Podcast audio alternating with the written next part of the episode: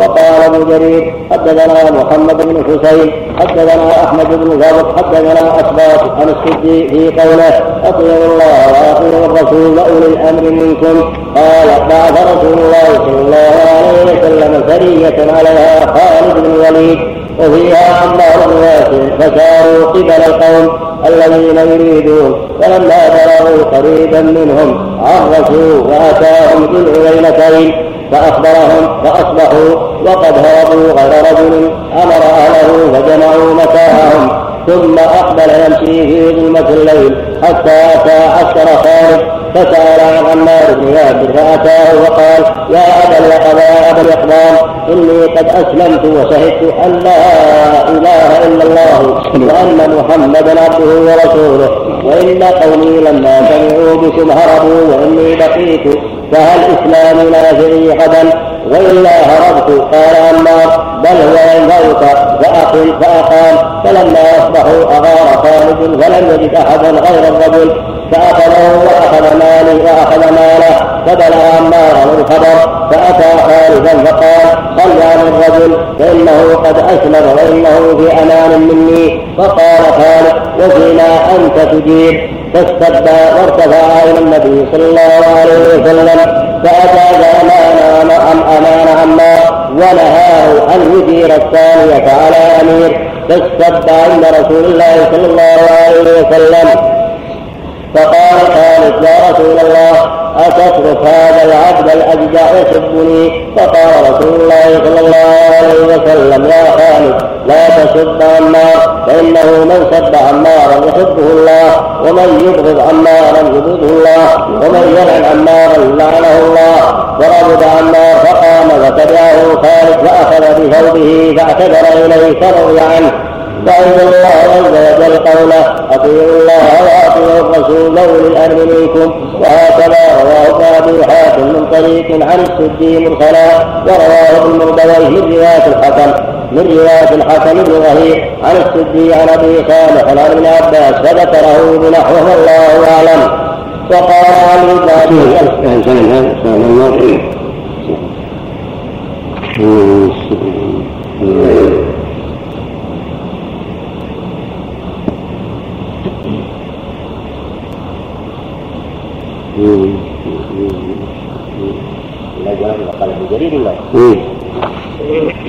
وقال ابن جرير حدثنا محمد بن حسين حدثنا أحمد بن فضل حدثنا أخبار عن السدي في قوله أطيعوا الله وأطيعوا الرسول وأولي الأمر منكم.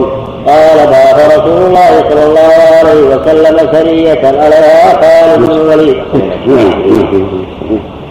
هذا مرسل يعني السدي ما أدرك لا خالد ولا عمار هذا منقطع بمعنى مرسل فهو ضعيف الاسناد ويعود ان يكون بين عمار وبين خالد هذا شيء نعم لأن خالدا يعرف فضل عمار ويعرف ان ان الانسان اذا اسلم فقد هذا المر بذلك لكن هذا لا يخفى على على خالد خاصه هذا خبر يحتاج إلى عنايه في جميع طرقه نعم. وهكذا روى ابن ابي حاتم من طريق عن السدي مرسلا وروى ابن مردوي في رواية الحكم بن ظهير عن السدي عن أبي صالح عن ابن عباس فذكره بنحوه والله أعلم. قال علي بن ابي طلحه عن ابن عباس واولي الامر منكم يعني أهل الفقه والدين وكذا قال مجاهد وعطاء والحسن البصري والعالية وأولي الأمر منكم يعني العلماء والظاهر والله أعلم أنها عامة في كل أولي الأمر من الأمراء والعلماء كما تقدم وقال تعالى أولي الأمر يعم العلماء والأمراء إذا كان في الأمراء أخرى لكن أهل العلم أيضا يؤم الأمر في بيان أحكام الله وبيان ما يجوز وما يحرم وما يحل وأولي الأمر من جهة البيان والأمراء الأمر من جهة التنفيذ والأحكام نعم. وقال تعالى لا ينهاهم الربانيون والاحبار عن قولهم الاثم واكلهم السحت وقال تعالى فاسألوا أهل الذكر إن كنتم لا تعلمون. وفي الحديث الصحيح المتفق على صحته عن أبي هريرة عن رسول الله صلى الله عليه وسلم فقد أطاع الله وما عصاني فقد عصى الله ومن أطاعني لي فقد أطاعني ومن عصاني لي فقد عصاني وهذه أوامر بطاعة العلماء والأمراء ولهذا قال تعالى أطيعوا الله أي اتبعوا كتابه وأطيعوا الرسول أي خذوا بسنته وأولي الأمر منكم أي فيما أمروكم به من طاعة الله. لا في معصية الله فإنه لا طاعة لمخلوق في معصية الله كما تقدم بالحديث الصحيح. إنما الطاعة في المعروف. وقال الإمام أحمد حدثنا أبو الرحمن حدثنا همام حدثنا نعم. باقي أربع سطور وصل بقية الآية. نعم. أقول باقي حوالي أربع سطور. بالراحة سم نعم. شيخ بالنسبة لأثر نعم. بالنسبة لأثر عدل اليوم هي من عبادة 40 سنة. نعم. هذا الأثر اللي مر عليه في الدرس السابق عدل اليوم خير من عبادة 40 سنة؟ اي والثالث نعم نعم. بسم الله الرحمن الرحيم. قال العجلوني في كشف الخفاء حديث عدل يوم واحد أفضل من عبادة 60 سنة. رواه الديلمي عن أبي هريرة وأسنده من طريق أبي معاذ له عدل حكم ساعة خير من عبادة 70 سنة. والحديث عزاه السيوطي في الجامع الكبير إلى ابن عساكر من حديث أبي هريرة كذا في كنز العمال قال الزيلعي في نسب الراية الحديث الرابع. قال عليه السلام عدل ساعة خير من عبادة سنة. قلت غريب. هنا. قلت غريب بهذا اللفظ. وروى إسحاق بن راهوية في مسنده. أخبرنا جعفر بن عون الفريقي قال حدثنا عفان بن جبير عن عكرمة عن ابن عباس قال قال رسول الله صلى الله عليه وسلم يوم من يوم من إمام عادل أفضل من عبادة ستين سنة.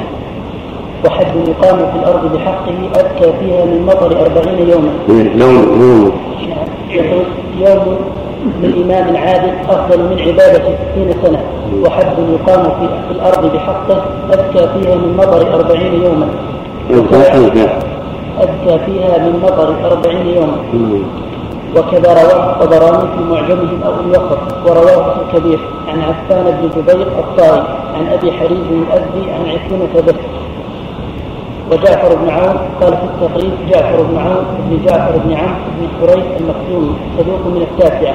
مات سنة ست وقيل سبع ومئتين ومولده سنة عشرين وقيل سنة ثلاثين الجماعة وعفان بن جبير الطائي قال ابن أبي حاتم في الجرح والتعديل روى عن أبي حريث وروى عن سعد غيلان الشيباني. وجعفر بن عون سمعت أبي يقول ذلك. وسنده في الطبراني الكبير حدثنا العباس بن الفضل الاسباطي قال حدثنا أحمد بن يوسف قال حدثنا سعد ابو غيلان الشيباني. قال سمعت عفان بن جبير الطائي عن أبي حريز الأزدي عن عكرمة عن ابن عباس قال قال رسول الله صلى الله عليه وسلم الحديث وفيه أربعين يوما بدلا من أربعين وفيه أربعين عاما بدلا من أربعين يوما. قال الهيثمي في المجمع رواه الطبراني في الكبير والاوسط وفيه سعد أبو غيلان ولم اعرفه وبقية رجاله ثقات انتهى وسعد أبو غيلان هو ابن أبي هو ابن طالب الشيباني قال ابن قال ابن أبي حاتم في الجرح والتعديل روى عن حماد وكثير من النواء وعفان بن جبير الطائي روى عنه أبو الاحوص سلام بن سليم وأحمد بن عبد الله بن يونس سمعت أبي يقول ذلك. حدثنا عبد الرحمن قال سألت أبي عنه قال فقال شيخ قال وفي حديثه ضعف حدثنا عبد الرحمن قال سئل أبو زرعة عن سعد أبي غيلان فقال لا بأس به. وابو حديث بفتح المهملة وكسر الراء وآخره كذا في التقريب هو عبد الله بن حسين الأزدي البصري. قال في الإسلام صدوق المسلم من السادس البخاري تعليقا البخاري تعليق الأربعة. وقال الزيلعي بعد ذكر الحديث السابق حديث آخر. روى أبو عبيد القاسم بن سلام في كتاب الاموال حدثنا هشيم عن زياد بن مخراق عن رجل عن أبي هريرة عن النبي صلى الله عليه وسلم قال العابد في رعيته يوما واحدا أفضل من عبادة العابد في أهله مئة سنة أو خمسين سنة. شكه شيء انتهى. وزياد بن مخراق قال في التقريب بكسر الميم وسكون المعجمة المزني مولاهم أبو الحارث البصري ثقة من الخامس البخاري في الأدب وأبو داود. وفيه الرجل الذي لم يسلم الله أعلم. هذا ياخذ من قال لكن كيف؟ دلاله على فضل العدل فائده عظيمه في الامه فيه مصالح كثيرة. طالما من العبادة وافضل من العباده في جو عظيم. والعبادة قاصرة على العبد لكن العدل ينفع الامه كلها نعم ما شاء الله بسم الله الرحمن الرحيم. الحمد لله رب العالمين والصلاة والسلام على أشرف المرسلين نبينا محمد وعلى آله وصحبه أجمعين. قال الإمام كثير رحمه الله تعالى وقال الإمام أحمد حدثنا عبد الرحمن حدثنا همام حدثنا قتادة عن ابن حريث عن عمران بن حسين عن النبي صلى الله عليه وسلم قال لا طاعة في معصية الله وقوله فإن تنازعتم في شيء فردوه إلى الله والرسول. قال مجاهد وغير واحد قال مجاهد وغير واحد من السلف أي إلى كتاب الله وسنة رسوله. وهذا أمر من الله عز وجل بأن كل شيء تنازع الناس فيه من أصول الدين من أصول الدين وفروعه أن يرد التنازع في ذلك إلى الكتاب والسنة كما قال تعالى وما اختلفتم فيه من شيء فحكمه إلى الله فما حكم به الكتاب والسنة وشهد له بالصحة والحق. فما بعد الحق إلا الضلال. ولهذا قال تعالى إن كنتم تؤمنون بالله واليوم الآخر أو رد الخصوم أو رد الخصومات وجهالات. رد الخصومات وجهالات إلى كتاب الله وسنة رسوله. فتحاكموا إليهما فيما شجر بينكم إن كنتم تؤمنون بالله واليوم الآخر. فدل على أن من لم يتحاكم في محل النزاع إلى الكتاب والسنة. ولا يرجع إليهما في ذلك فليس مؤمنا بالله ولا باليوم الآخر. وقوله ذلك خير أي التحاكم إلى كتاب الله وسنة رسوله والرجوع إليهما في وقت النزاع خير. وأحسن تأويلا أي أحسن عاقبة ومآلا كما قال كما قاله السدي وغير واحد وقال مجاهد وأحسن جزاء وهو قريب. هذا هو الواجب على جميع الامه في جميع الأمور إذا حصل التنازع فلغ ربي إلى القران والى السنة. كما حكم فيه؟ فهو الحكم. ولهذا قال فإن تنازعتم فيه فردوه إلى الله والرسول. إلى الله والكتاب العزيز والقرآن. والرسول الذي في حياته عليه الصلاة والسلام وإلى سنته بعد وفاته. سنته الصحيحه هذا هو واجب المسلمين وإيمانهم يحملهم على هذا ويجب عليهم هذا. ولهذا قال إن كنتم تؤمنون بالله واليوم الآخر وهكذا قوله جل وعلا واختلفتم من شيء حكمه إلى الله. والى شرع الذي جاء به عليه الصلاة والسلام وهو كتاب والسنة ولا يجب التحاكم إلى القوانين الوضعية أو إلى التوالي التي قالها القبائل والآباء والأجداد أو الاراء المجردة. كل هذا لا يجوز. وكان في الجاهلية تحاكم إلى رؤسائها وكبرائها ويتهالك إلى المنجمين والسحرة فابطل الله هذا وأوجب على المسلمين أن يتحاكموا إلى كتابه العزيز وإلى ما جاء به رسوله عليه الصلاة والسلام والعلم والهدى. وفيه فيهما فصل النزاع وفيهما بيان الحق الذي به مصلحه الجميع وسعاده الجميع. وذلك يحتاج إلى العناية من أهل العلم. فإن الحكم يحتاج إلى نظر وبصيرة بما قاله الله ورسوله. حتى يبقى في نزاع الناس وخصومة الناس على مقتضى ذلك. نعم. نعم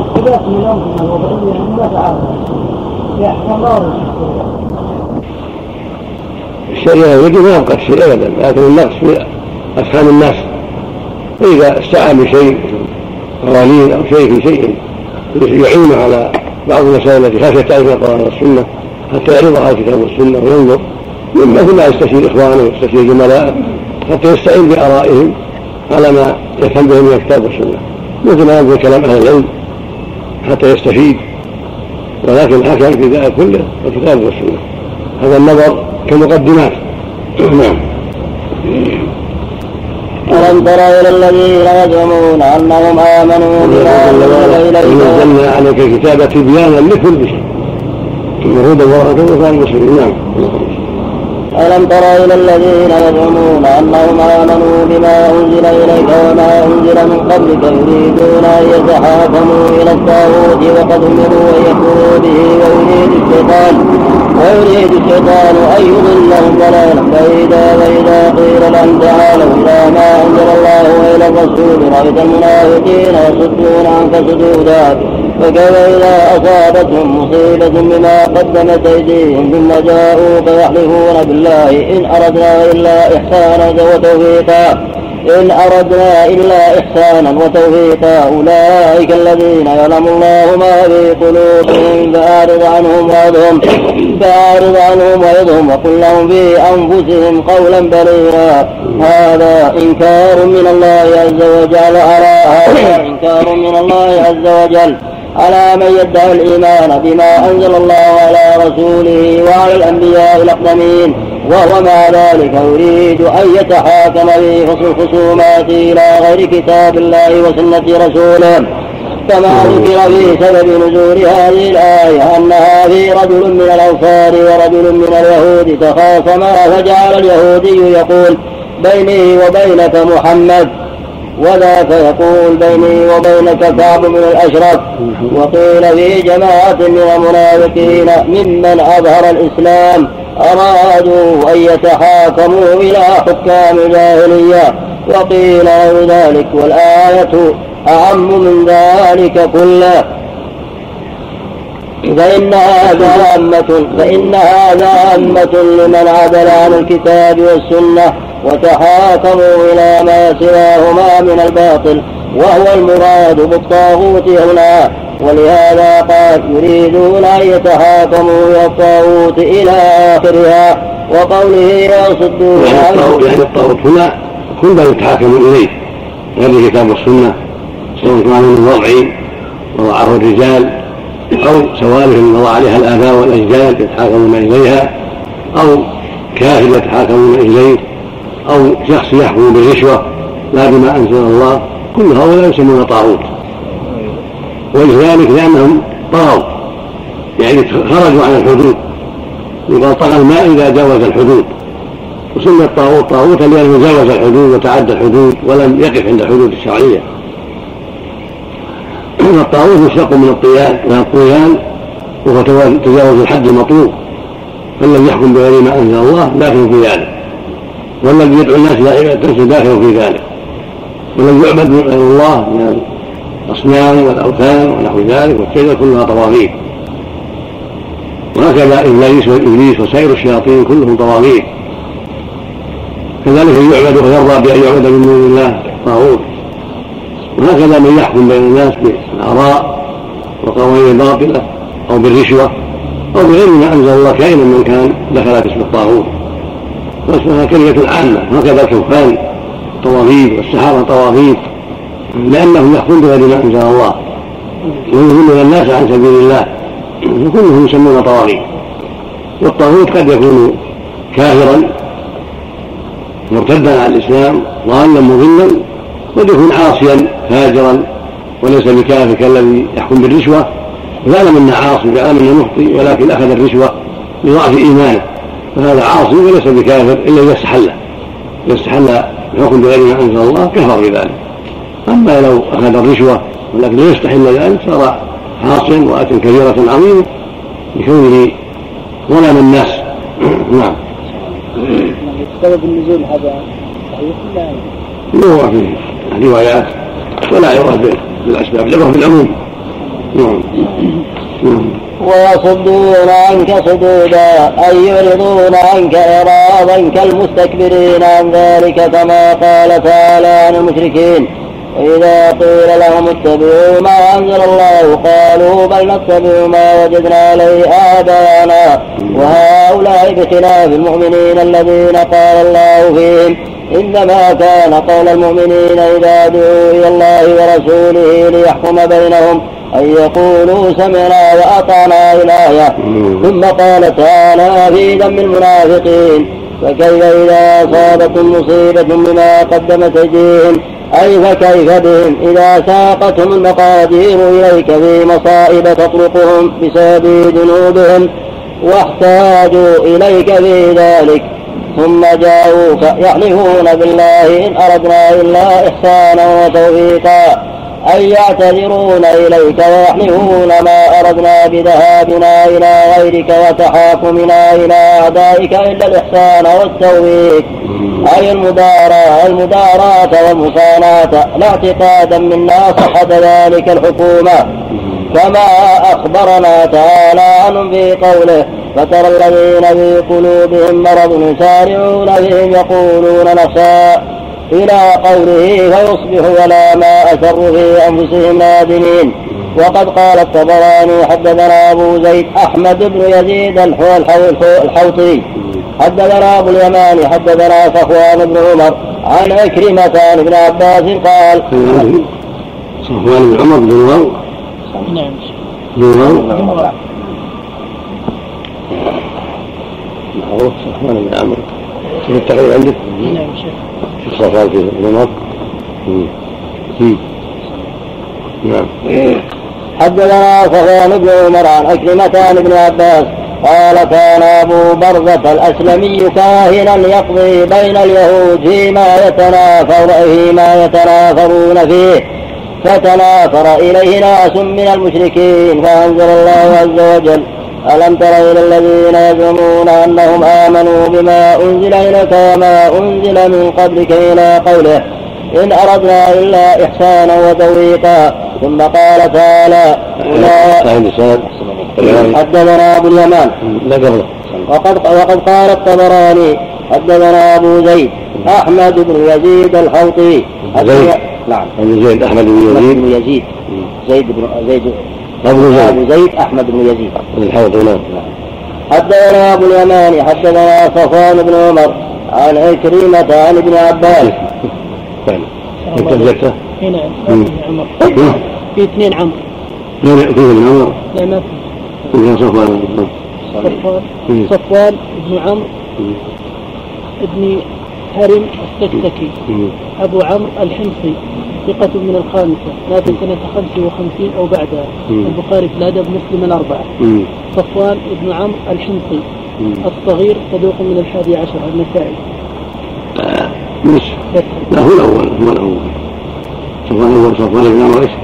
ابن هرم السكسكي أبو عمرو الحمصي. هو الأول. شيخ أحمد بن زيد بن يزيد الحوطي. بعد بعد النسائي رواه له نعم. أحمد بن زيد. أو أحمد بن يزيد. نعم. نعم. الواو نعم. نعم. الواو نعم واو نعم. حدثنا صفوان بن عمرو عن عكرمة. يكفي اللي بعده. نعم. ثم قال تعالى أولئك الذين يعلم الله ما في قلوبهم هذا الضرب من الناس هم المنافقون والله أعلم بما والله أعلم ما في قلوبهم وسيجزيهم على ذلك. وإنه لا تخفى عليه خافية. فاكتب به يا محمد فيهم. إنه عالم بظواهرهم وبواطنهم. ولهذا قال له فأعرض عنهم أي لا تعنفهم على ما في قلوبهم. وعظهم أي وانههم عما في قلوبهم من النفاق وسرائر وسرائر الشر. وقل لهم في أنفسهم قولا بليغا أي وانصحهم بما بينك وبينهم بكلام بليغ راجع لهم. وهذا واجب ولا تؤمنون العلماء لأن إلى القلوب إلى الله سبحانه وتعالى والمنافقون يتظاهرون بالإسلام. فالواجب إذا ظهر فيهم أمراض النفاق أن ينصحوا ويعلموا ويوعظوا ويذكروا. حتى يوجد منهم شيء صريح يدل على كفرهم وضلالهم.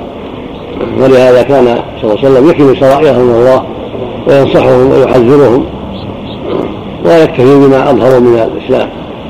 نعم.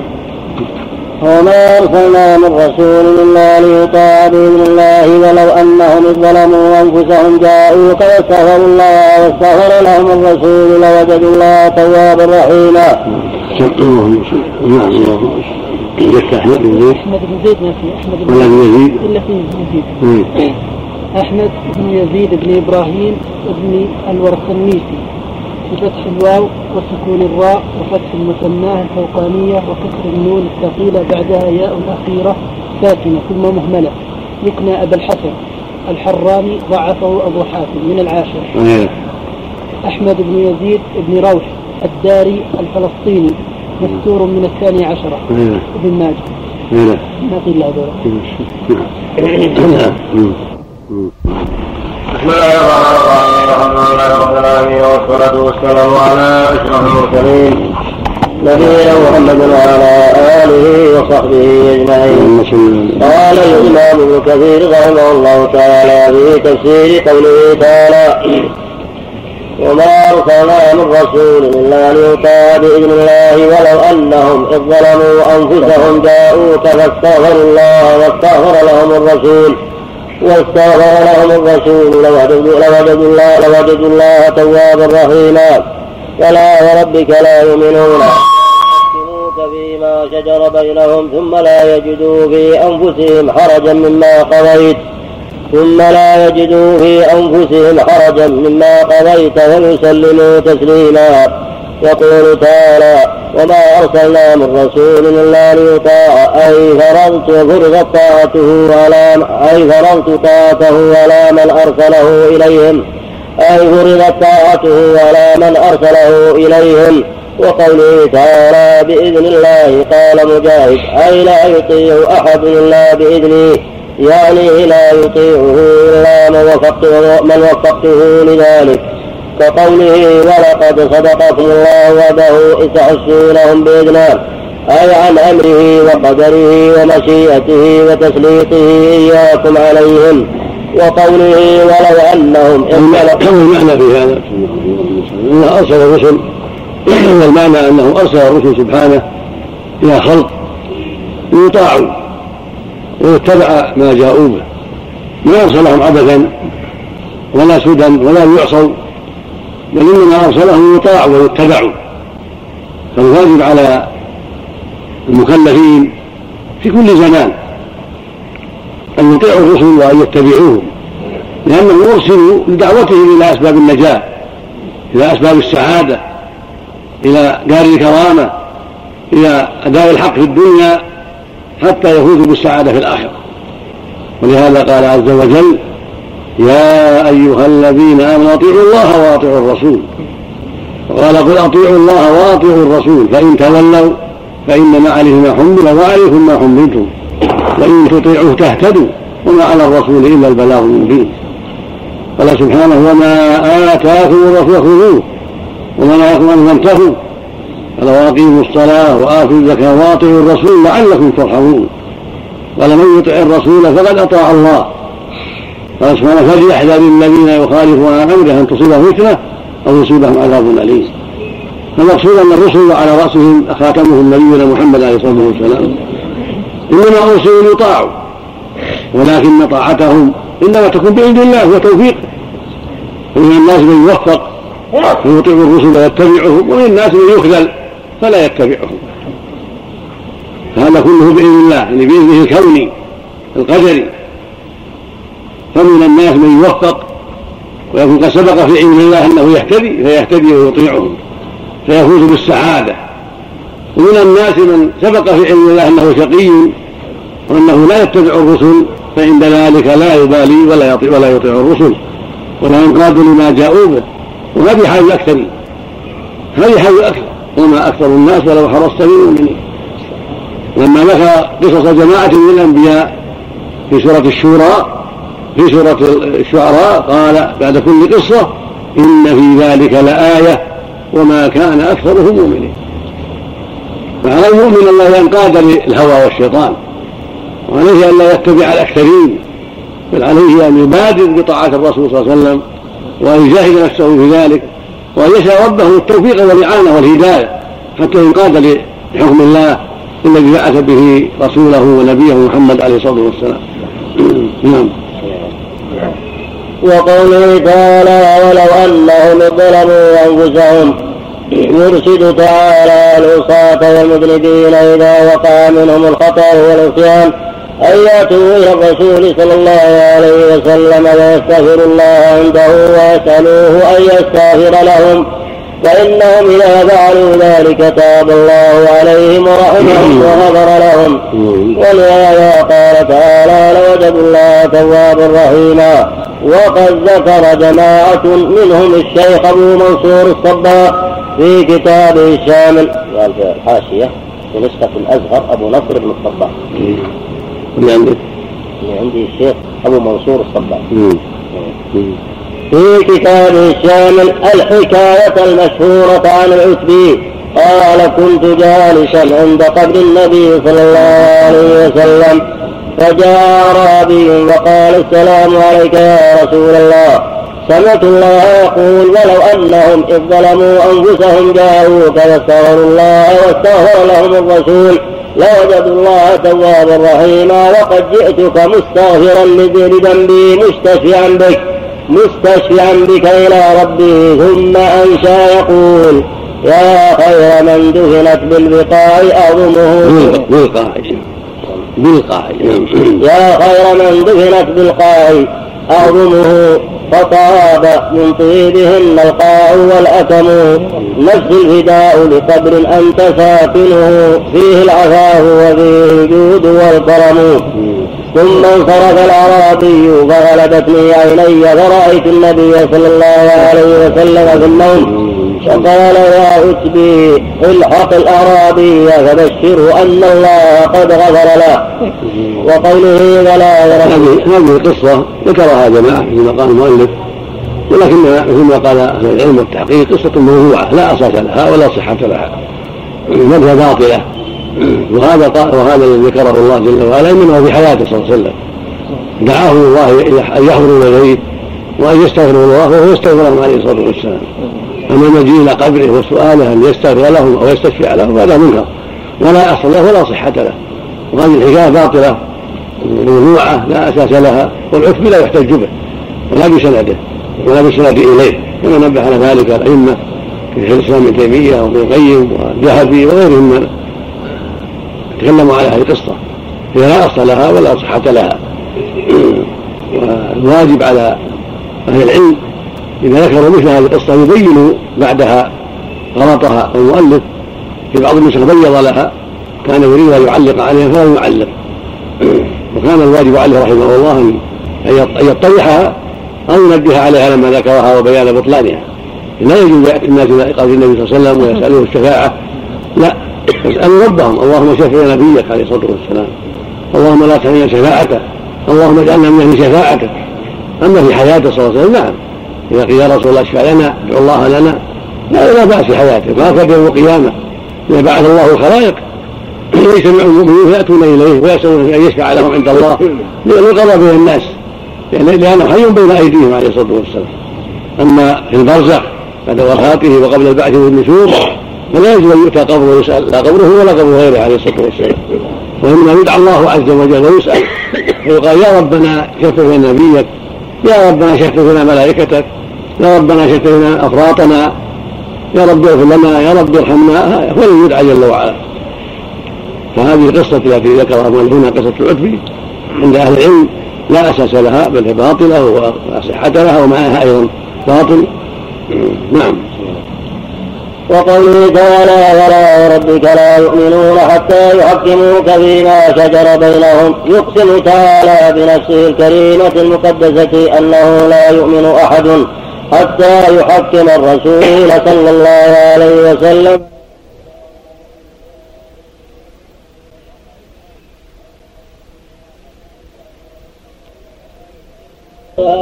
قال ثم لا يجد في أنفسهم حرجا مما قضيت ويسلموا تسليما. ألا حكموك بطيعك إذا إذا حكموك يطيعونك في بواطنهم. فلا يجدون في أنفسهم حرجا مما حكمت به وينقادون له في الظاهر والباطن فيسلمون إذا لذلك تسليما كليا من غير مانعة ولا مدافعة ولا منازعة. كما ورد في الحديث والذي نفسي بيده لا يؤمن أحدكم حتى يكون هواه تبعا لما جئت به وقال البخاري حدثنا علي بن عبد الله حدثنا محمد بن جعفر حدثنا معمر عن الزهري عن عروة قال خاتم الزبير رجلا في شراد الحرة فقال النبي صلى الله عليه وسلم أسقي الزبير.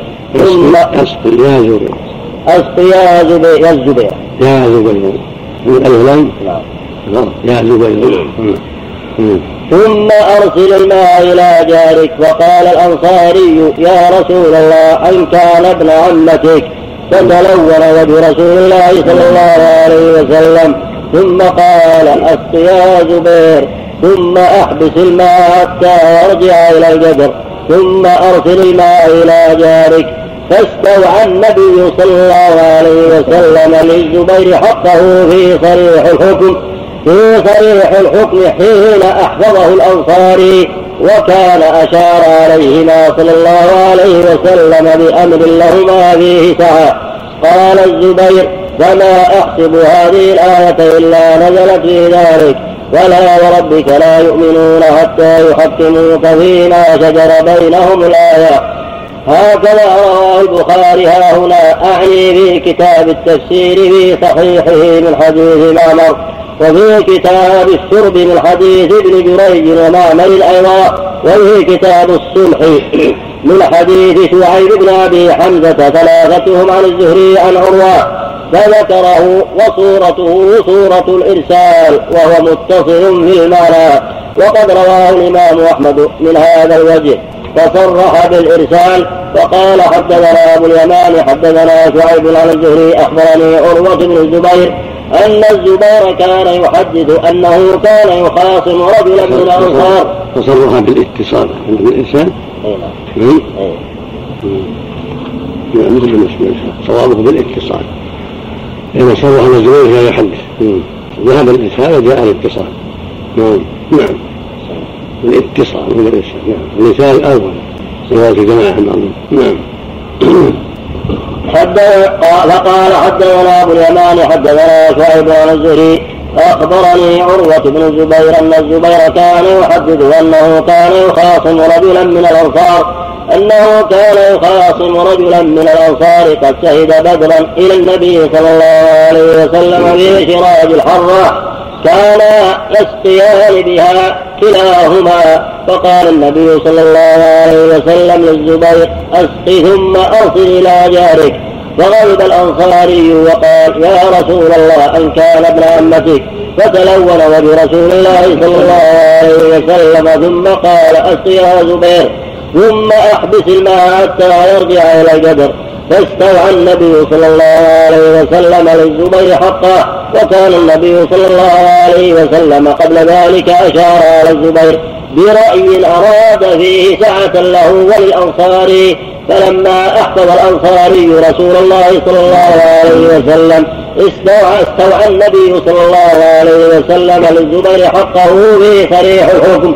ثم قال قال عروة فقال الزبير والله ما أحسب هذه الآية نزلت إلا في ذلك فلا وربك لا يؤمنون حتى يحكموك فيما شجر بينهم ثم لا يجدوا في أنفسهم حرجا مما قضيت ويسلموا تسليما.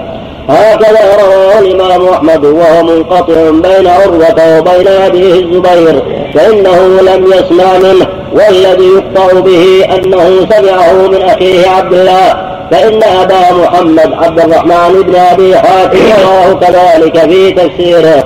فقال حدثنا يونس بن عبد الله حدثنا ابن وهب أخبرني. معنى معنى في هذا على متقدم. بالإرسال صرح بالإرسال. هذا من صرح هنا. ولكن عمر قد قيل إنه سمع من أبيه إنه ياخذ وقت كبير سمع من علي أيضا. وعلي مات بعد الزبير أربع سنين تقريبا. ثم قوله إن الزبير كان يحدث ظاهره الاتصال. نعم. نعم. نعم. فقال حدثنا يونس بن ابن عبد الأعلى حدثنا ابن وهب أخبرني الليث ويونس ويونس عن ابن شهاب أن عروة بن الزبير حدث أن عبد الله بن الزبير حدثه عن الزبير بن العوام أنه خاصم رجلا من الأنصار قد شهد بدرا مع النبي صلى الله عليه وسلم إلى رسول الله صلى الله عليه وسلم في شراج الحرة. كان يسقيان به كلاهما النخل فقال الأنصاري سرح الماء يمر فأبى عليه الزبير. فقال رسول الله صلى الله عليه وسلم أسقي يا زبير. ثم أرسل إلى جارك فغضب الأنصاري وقال يا رسول الله أن كان ابن عمتك فتلون وبرسول الله صلى الله عليه وسلم ثم قال أسقي يا زبير ثم أحبس الماء حتى يرجع إلى الجدر. واستوعى رسول الله صلى الله عليه وسلم للزبير حقه وكان رسول الله صلى الله عليه وسلم قبل ذلك أشار على الزبير.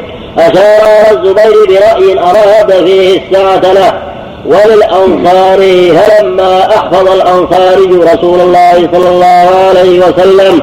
استوعى للزبير حقه في صريح الحكم. فقال الزبير ما أحسب هذه الآية إلا في, إلا في ذلك. فلا ربك لا يؤمنون حتى يحكموك فيما شجر بينهم ثم لا يجدوا في أنفسهم ثم لا يجدوا في أنفسهم حرجا مما قضيت ويسلموا تسليما. وهكذا رواه النسائي من حديث ابن وهب به ورواه أحمد والجماعة كلهم من حديث الليث به وجعله أصحاب الأطراف في مسند عبد الله بن الزبير. وكذا ساقه الإمام أحمد في مسند عبد الله بن الزبير والله أعلم. والعجب كل العجب من الحاكم أبي عبد الله النسابوري فإنه روى هذا الحديث من طريق ابن أخي بن شهاب عن عمه عن عروة عن عبد الله بن الزبير عن الزبير فذكره ثم قال صحيح الإسناد ولم يخرجا فإني لا أعلم أحدا قام بهذا الإسناد عن قام بهذا الإسناد عن الزهري بذكر عبد الله بن الزبير غير ابن غير ابن أخيه. وهو عنه ضعيف. وقال الحافظ أبو بكر بن مردوي وقال الحافظ أبو بكر بن وهذا يدل على وجوب التسليم والانقياد لحكم الله عز وجل؟ في حياة النبي صلى الله عليه وسلم وبعده.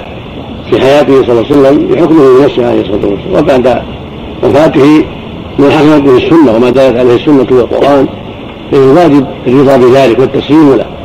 وما حكم به الله ورسوله وجب التسليم له والانقياد له. والواجب على جميع الأمة أن تحكم كتاب الله وسنة رسوله عليه الصلاة والسلام. وأن ينقادوا لذلك ويسلموا له ولما حكم النبي صلى الله عليه وسلم ولما أمر النبي صلى الله عليه وسلم الزبير أن يحبس الماء ثم يوصل إلى جاره. قال اسقي يا زبير ثم أصل الماء. مع اسقي يا زبير ما تيسر. ثم أصل الماء. كان أحدهما فوق الآخر من من الشراج كان الزبير أعلى فيسقي أولا ثم ينحدر الماء على إلى جاره. يعني من غير استيعاب. انما أمره يشرب ويرسل من دون استيعاب. فلما قال الانصاري ما قال من الكلمة السيئة ان كان ابن عمتك فان هذا معناه التهمه وانه حافى من أجل أنه ابن عمته. لأن الزبير هو ابن عمة النبي صلى الله عليه وسلم امه صفية بنت عبد المطلب. اخت عبد الله ابي أبي النبي عليه الصلاة والسلام. فلما قال هذه الكلمة الشنعاء تلون وجه الرسول صلى الله عليه وسلم يعني غضب عليه الصلاة والسلام. هذا معنى أحفظه وأن يغضبه. فأمر الزبير ان يأخذ حقه ظاهرا تاما حتى يعم الماء أرضه إلى الجلطه إلى وصول الجلطه التي بها يعم الماء أرض الزبير ثم بعد هذا يرسله إلى جاره فيكون استوفى له الحكم بعدما قال الأنصاري ما قال.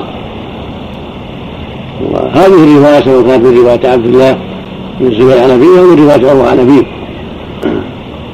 الحديث صحيح ولهذا ذكره البخاري رحمه الله وساقه في صحيحه في مواضع ليبين أن هذا الحكم هو المطابق من الآية وأن الواجب على من حكم له الرسول صلى الله عليه وسلم أو حكم عليه أن يرضى بذلك وأن ينقاد لذلك وأن يكون في قلبه شيء من التردد والحرج بل يسلم تسليما وهكذا بعد وفاته صلى الله عليه وسلم.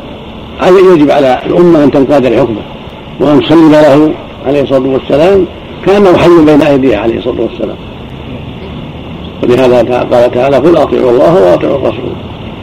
فالواجب طاعته حيا وميتا عليه الصلاة والسلام والانقياد لشرعه حيا وميتا. نعم. روايه الحاكم عن عبد الله بن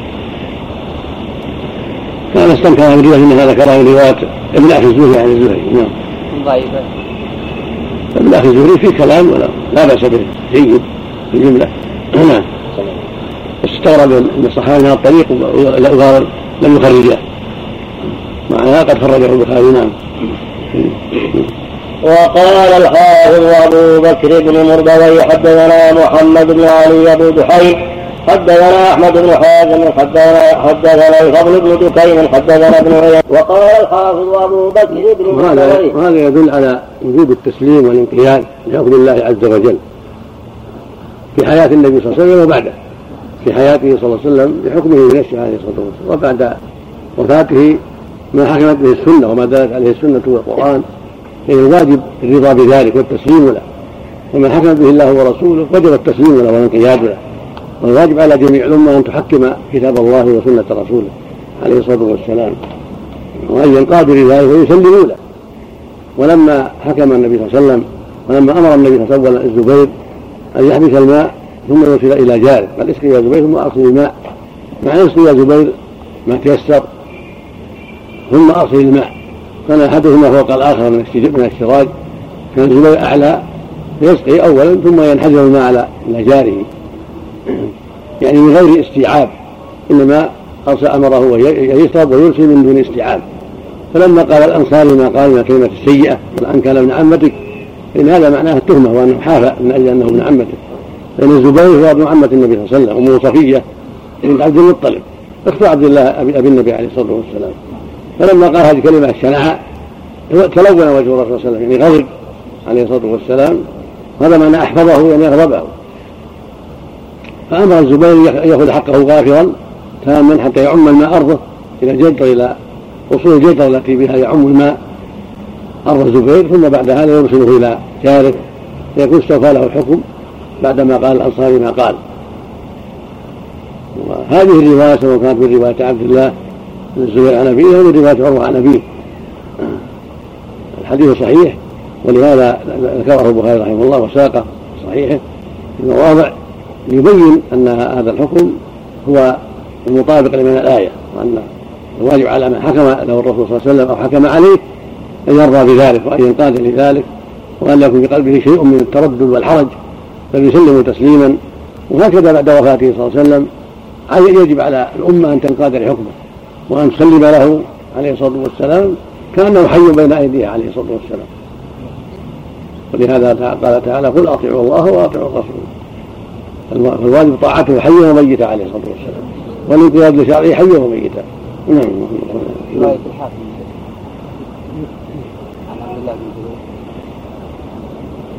كان استنكر عن رواية انها ذكرها من رواية ابن أخي الزهري عن الزهري نعم ابن أخي الزهري في كلام ولا لا بأس به. جيد. في الجملة.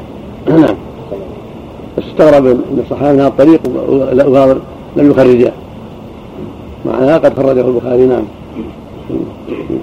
وقال الحافظ أبو بكر بن مردوي حدثنا محمد بن علي أبو دحين حدثنا أحمد بن حازم حدثنا حدثنا الفضل بن دكين حدثنا ابن عيينة عن عمرو بن دينار عن سلمة رجل من آل أبي سلمة قال خاصم الزبير رجلا إلى النبي صلى الله عليه وسلم فقضى للزبير فقال الرجل إنما قضى له لأنه ابن عمته فنزلت فلا وربك لا يؤمنون الآية. وقال ابن أبي حاتم حدثنا أبي حدثنا عمرو بن عثمان. بارك في كلام رواية الحاتم والعجب كل العجب من الحاكم. العجب كل العجب والله. والعجب كل العجب من الحاكم أبي عبد الله النسابوري فإنه روى هذا الحديث من طريق ابن أخي بن شهاب. عن عمه عن عروة عن عبد الله بن الزبير عن الزبير هذا ترى ثم قال صحيح الإسناد ولم يخرجه. فإني لا أعلم أحدا قام في هذا الإسناد عن الزهري بذكر عبد الله بن الزبير غير ابن أخيه وهو عنه ضعيف. ابن أخيه؟ رواية أحمد متقدمة رواية أحمد رواية أحمد متقدمة قبل هذا القليل رواه الإمام أحمد. قدم عندي قليل الله ثم لم يجوز هكذا رواه الإمام أحمد وهو منقطع بين عروة وبين أبيه الزبير. قبل شوي قبل شطر شطر. قال الإمام أحمد. شطر. قال شطرين. ثلاثة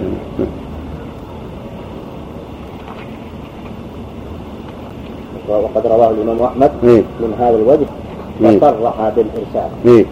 فقال حدثنا ابو اليمان حدثنا شعيب عن الزهري. أخبرني عروة بن الزبير أن بس هذا المقصود ان روايته من طريق ابن أخيه هي اللي مستنكره لأن الناس رووا عنه ابن عمر وشعيب جماعة غير ابن أخيه. روى عنه ضعيف. ولا بأس في نفسه لكن لعله له أوهام عن عن عمه في في من الأخ الزهري محمد بن عبد الله بن مسلم تغيير هذا الله هذه مثلا قامت حاكمه يقول نعم. نعم. الحاكم ولا بخرجاه بس ظاهر كلام المؤلف ما اعترض عليه في هذا اعترض عليه في من رواه من طريق من أخي الزهري رضي عنه. ولا هو عليه اعتراض أيضا من جهة ولم يخرجه نعم. لأن خرجه البخاري ما قال لم يخرجه مسلم. يعني الاعتراض عليه من الجهتين لكن من كثير انما لاحظ سنة رواية من حديث ابن أخي الزهري. نعم. نعم. بسم الله الرحمن الرحيم. الله قصة العتبة الآن لها سند قصة العتبة